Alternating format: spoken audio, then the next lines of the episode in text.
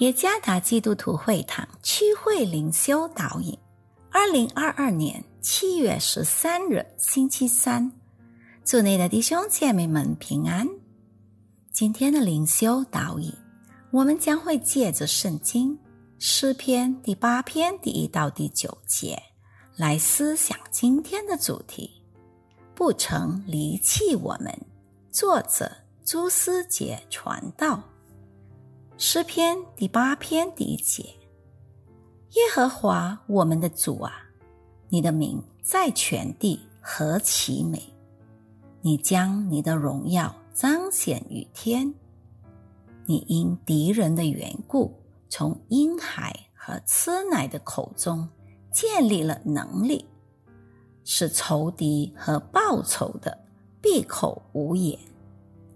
我观看你指头所造的天，并你所陈设的月亮星宿，便说：人算什么？你竟顾念他；世人算什么？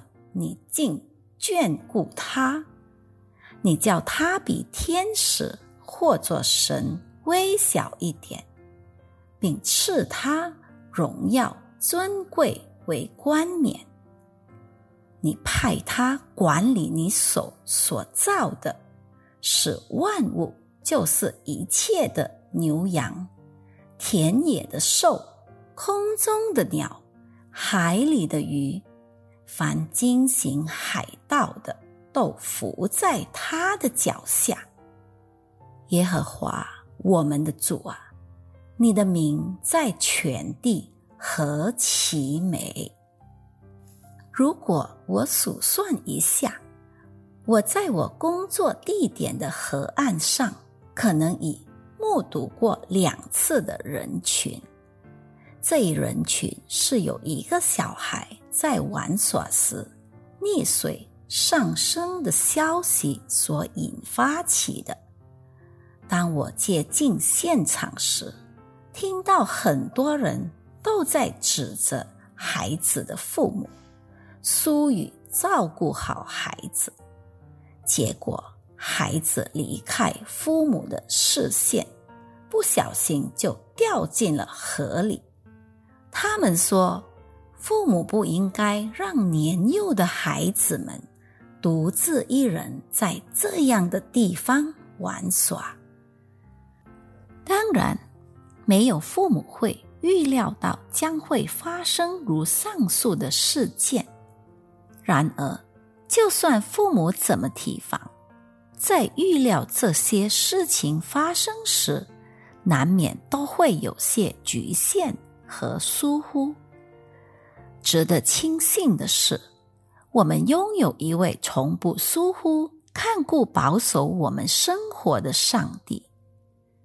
看看暴风雨过后的天空，依然晴朗，行星。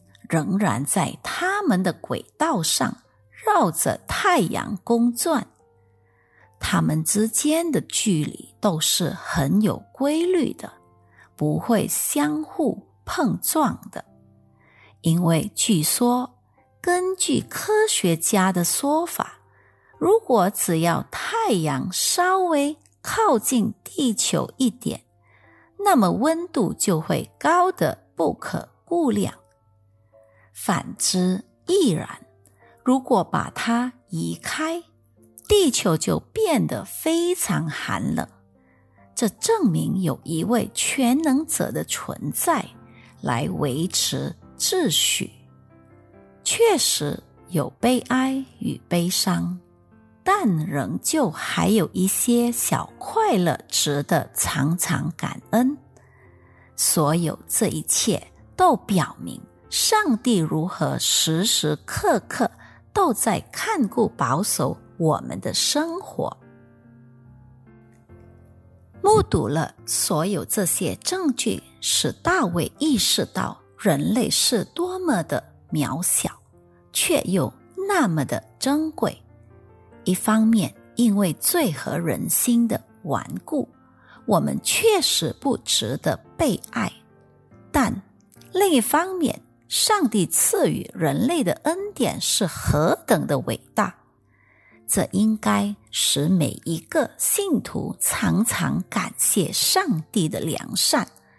正如诗人所说：“上帝，我们的主啊，你的名在全地何其美！”这应当就是我们对上帝的回应。人算什么？